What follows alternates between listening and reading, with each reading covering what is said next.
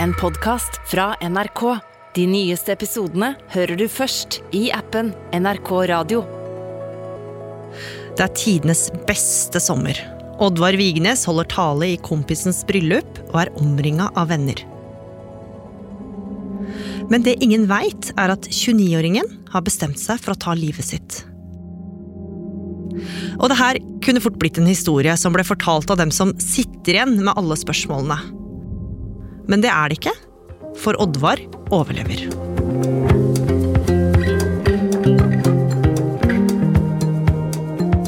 Du hører på Oppdatert.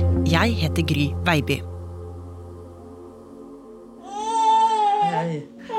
Oi sann. Hei. Nå må du sove. Sov i ro. Og god natt. Sov i ro. Han som du hører synge til den lille dattera si her, han heter Oddvar Vignes. Han er en ganske fersk småbarnspappa som driver en gård omgitt av grønne gressletter på Finnøy i Rogaland.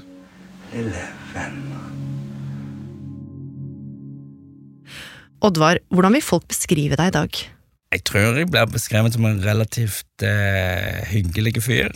Som hva si, jeg, vet, jeg vet faktisk ikke helt hvordan Men jeg, jeg, er jo altså, jeg er som regel i godt humør, eh, egentlig. Du kunne fort blitt en del av statistikken av de rundt 600 personene som tar livet sitt i Norge hvert år. Og nå i oktober så markerer NRK verdensdagen for psykisk helse. Og vi i Oppdatert vi velger å gjøre det ved å fortelle din historie. For sommeren 2009 så hadde du en helt spesiell plan for livet ditt. Du kaller den sommeren for verdens beste. Hvorfor var det det? Det var fordi at jeg hadde funnet en retning og en plan for hva jeg skulle gjøre med livet mitt. Eh, og det gjorde at du fyrte opp under en haug med følelser av eh, at du opplevde ting for siste gang. Det var veldig sånn sterke minner for at jeg eh, tvingte meg sjøl til å nyte ting som jeg egentlig tok for gitt. Og når du gikk rundt der og så Vignesholmene på en sykkeltur ja, Mm. så bare tenkte jeg, her har forfedrene dine gått i alle år, de har jakta, de har hatt sauer, eh, og nå står sola sånn, og du, du sykler den siste turen din, og nå får du pinlig nyte av det. Eh, og det sitter, det sitter i, eh, den følelsen av eh, å gjøre ting for siste gang. For den retninga og det valget du hadde tatt, det var jo noe ganske drastisk. Ja, målet var jo å ta livet av meg. Men det var òg det viktigste målet jeg noen gang hadde hatt. Og det var et mål som ingen rundt deg hadde noen aning om, for utad så virka alt som normalt, men inni deg var det kaos. Og du kommer fram til en spesiell dato, nemlig 21. september. Hvordan kom du fram til det? Jeg gikk gjennom kalenderen, så at det var veldig mye bryllup den sommeren. Eh, til høsten så var det tomatfestival på Finnøy. Det var et stortingsvalg som eh, jeg òg ville ha med meg. Og eh, så at det var et bryllup da, som skilte seg ut i september. Der jeg kunne være med på det, si ha det til alle venner, kjæreste og alt. Um, reise hjem til Oslo, skrive brev, rydde ut av leiligheten. Um, ta livet av meg den helga påfølgende. Men du så et eh, siste stort hinder, for elleve dager før du planla å ta livet ditt, så var du invitert i bryllup til en nær venn i Stavanger. Mm. Hvorfor var det et hinder? Det, at det var siste gang jeg så veldig mange av de folka som jeg er så glad i. Det var siste gang jeg så foreldrene mine. Eh, det var siste gang jeg så kjæreste. Eh, og jeg visste at dette her er en enorm fallgruve. Eh, for nå står på mange måter alt på spill. Hvordan stålsatte du deg? At jeg var bevisst på hva jeg måtte gjøre. Jeg måtte eksempel holde tale, selv om jeg ikke hadde lyst til å holde tale, men det er det jeg gjorde i bryllup. Og da, da måtte jeg ikke avvike fra sånn som jeg pleide å være. Bryllupet er en lørdag i Varhaug kirke på Jæren. Etter vielse er det fest på idylliske Hå gamle prestegård, som ligger vendt ut mot havet. Det, det jeg husker, er at det der er ehm, Jeg er ikke noe sånn Jeg er ikke i godt humør når jeg kommer, men jeg husker jeg er veldig letta når vi kommer fram. eh, For der, er- da er stemningen eh, satt. Folk er i godt humør, og da er det bare til å hive seg med. Og det var en veldig sånn ja, Det var lettende for meg at jeg ikke måtte dra i gang noe. Jeg kunne bare eh, hive meg med i dansen, på en måte. Og så skal du holde det som du selv omtaler som ditt livs tale. Hvordan var det? Jeg husker hvordan jeg danste meg fram til det som skulle være poenget. Og jeg ser fra bildene at folk lo, eh, og at jeg sjøl er engasjert. I den talen så var målet mitt å få dem til å tenke fram på 2010, for gaven var sommeren 2010. At eh, vi skulle ta med en brudgommen med på telttur. Eh, og hadde vi da kjøpt telt og eh, skulle ut på en av disse Vignesholmene og overnatta og, og alt sånt. Og jeg har vannskrekk, jeg har allergi, så det var en del rundt dette her, da. Em, men det var Jeg fikk de som var hørte på, til å tenke ett år fram i tid, og jeg sjøl sto og visste at om ei uke så er jeg død. Eh, og jeg kommer aldri til å ha en tale som der jeg er under et større press, men jeg tror ikke folk merker det. Og for de som satt pynta til bords den dagen, så så de en engasjert og gestikulerende mann i gråruta dress med talen i hånda. Men hvem er den mannen egentlig? Han er jo eh, hvem er han egentlig? Det eh, har jo blitt beskrevet av seinere senere legen min som en som har gått seg vill i hodet sitt, og det Det er jo det jeg har. For jeg er omgitt av folk som jeg er glad i. Um, jeg har ingen problemer som jeg ikke kunne kommet meg ut av. Og allikevel så er jeg så flau over hvem jeg er blitt, at jeg vet at jeg må dø. Og når talen er over, så er du veldig letta, men seinere på kvelden så kommer det en låt over høyttaleranlegget. Det er artisten Sting. Og det øyeblikket her, det ble veldig viktig for deg. Ja, og når han synger, og det, jeg hører tekststrofer at, du, at det, hvis du elsker noen, så setter du dem fri, så bare tenkte jeg det er pinlig, det er helt sant. Det er det jeg gjør. Som gjorde at jeg brukte jo det senere i mye av, av brevene mine. Så mens andre sitter og hører på sangen og, og, og tenker at dette er en fin stund, så sitter jo jeg og forfatter det som senere blir selvmordsbrev i hodet mitt.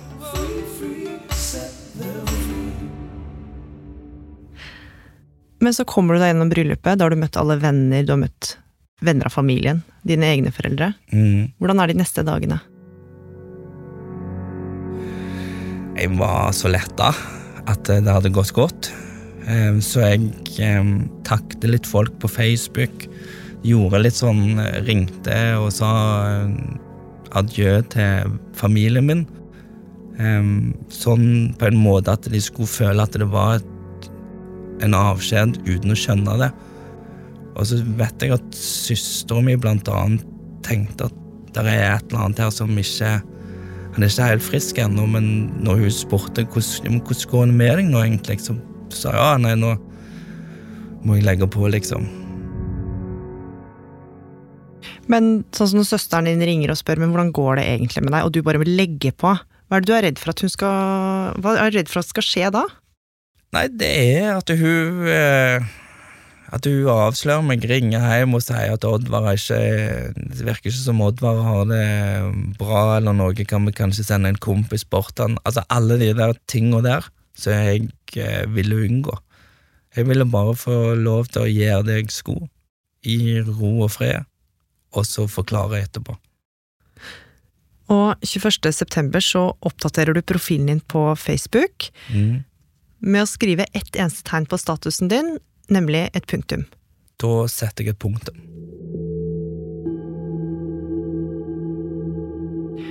Og så gjør du mange forberedelser. Jeg eh, tar inn på et hotell, og eh, på søndagen da så barrikaderer jeg døra, skriver eh, en lapp på engelsk der det står 'Don't go in, call the police'. For jeg eh, ville ikke at noen som jobbet på hotellet, skulle bli traumatisert av det de fant.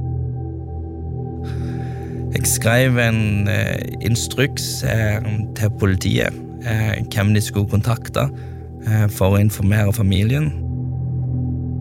Jeg hadde med meg en Mac, så jeg skrev alle brevene til venner og familie på den, for jeg har så stygg håndskrift. Så jeg har tenkt at det, det ville være problematisk hvis jeg skulle prøve å skrive fint, eh, og plutselig så var det ting som de ikke ville forstå, og da er det for seint å, å, forklare. Og så eh, så hadde jeg da så, så på eh, Dagfinn Lyngbø eh, standup-show og eh, litt istid, eh, og hadde det egentlig veldig bra. Men tilbake til hotellrommet, da. Nå er alt planlagt, ikke sant. Du har skrevet brev til alle. Du ber en siste bønn, Mm, og så sovner du. mm. Men det går jo ikke som du vil. Nei, da eh, Jeg våkner jo rundt eh, Rundt rundt eh, tolvtida, sånn som jeg har forstått det. Eh, og da har de prøvd å jobbe, prøvd å få tak i meg. Eh, hjemme så har de prøvd å få tak i meg. Eh, der er mm, politi oppe med leiligheten. Og så våkner jeg og hører at telefonen rister eller ringer eller sånt, og tar han. Og så er det far. Og han prøver å Ja, altså, han han, han er jo tydelig veldig redd, men han Han prøver jo også å få vite hvor jeg er. Eh, og etter en sånn kort samtale så og jeg prøver å lyve og si jeg er på jobb og jeg er hjemme, og han sier nei, du er ikke det, men hvor er du? Så sier jeg at ok, du kan finne meg i sentrum.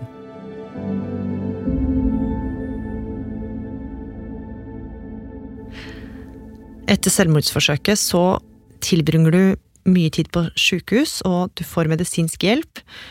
Og før du blir skrevet ut, så må du love at du ikke skal prøve igjen.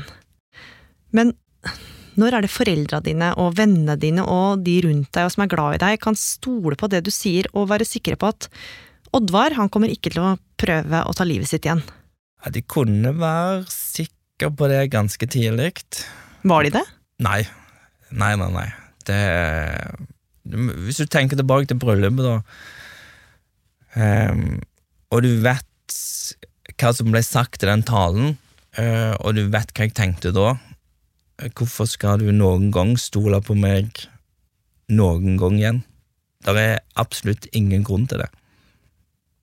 Så hvordan de klarte å jobbe seg gjennom til å gi meg tilliten som jeg fikk, det er noe av livets store mysterium. Har de den tilliten nå? Jeg vil tro det, men hvis telefonen min er av det er sånn, Nå er det jo ganske mange år siden, men nå har jeg jo telefonen på flymodus. Eh, og da tenker jeg på, på at jeg ikke håper at far ringer. Historien du forteller er jo ofte en historie som blir fortalt av mødre, fedre, søsken, barn, venner, altså alle dem som sitter igjen med alle spørsmålene etter et selvmord. Du har siden sommeren 2009 skrevet leserinnlegg, holdt foredrag og skrevet bok, og for deg så har det vært veldig viktig å være åpen.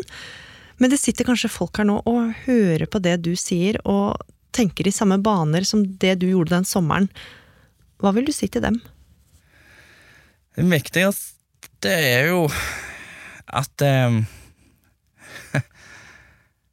jeg, altså jeg, tror folk som sliter og sånt, Av tilbakemeldinger jeg får, så er det jo ofte at de føler seg alene med de tankene de har, da.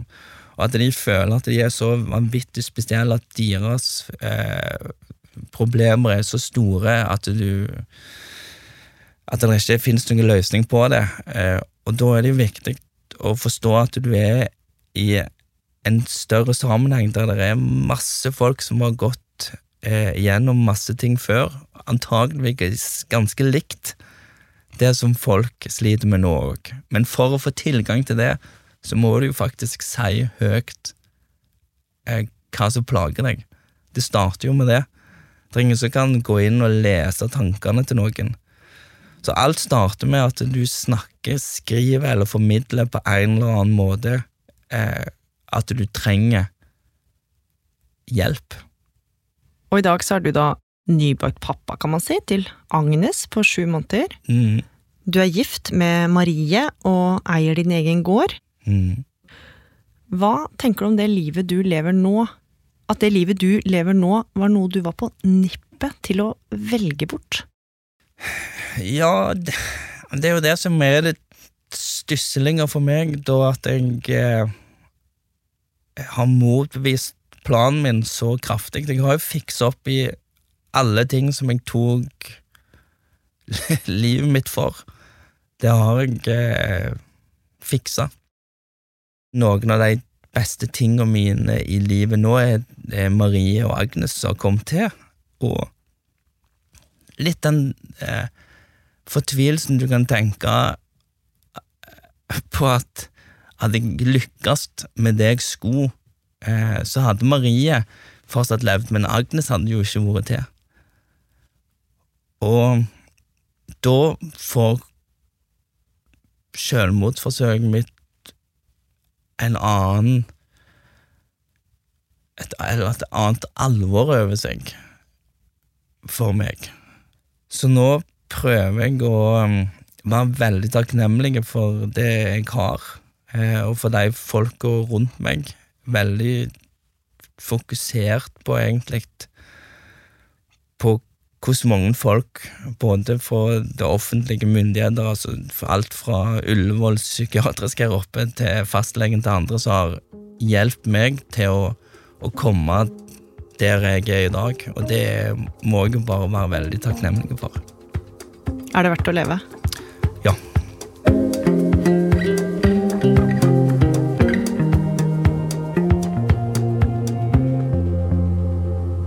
Trenger du noen å snakke med, så kan du kontakte Kirkens SOS på telefonnummer 22 4040. Og husk at du også kan snakke med fastlegen din. Oppdatert er en podkast fra NRK Nyheter, og denne episoden ble laga av Espen Bjørlo Mellem. og meg, Gry Veiby. Programredaktør er Knut Magnus Berge. Har du tips eller innspill, så må du gjerne sende oss en e-post på oppdatert krøllalfa nrk.no. Du har hørt en podkast fra NRK. De nyeste episodene hører du først i appen NRK Radio.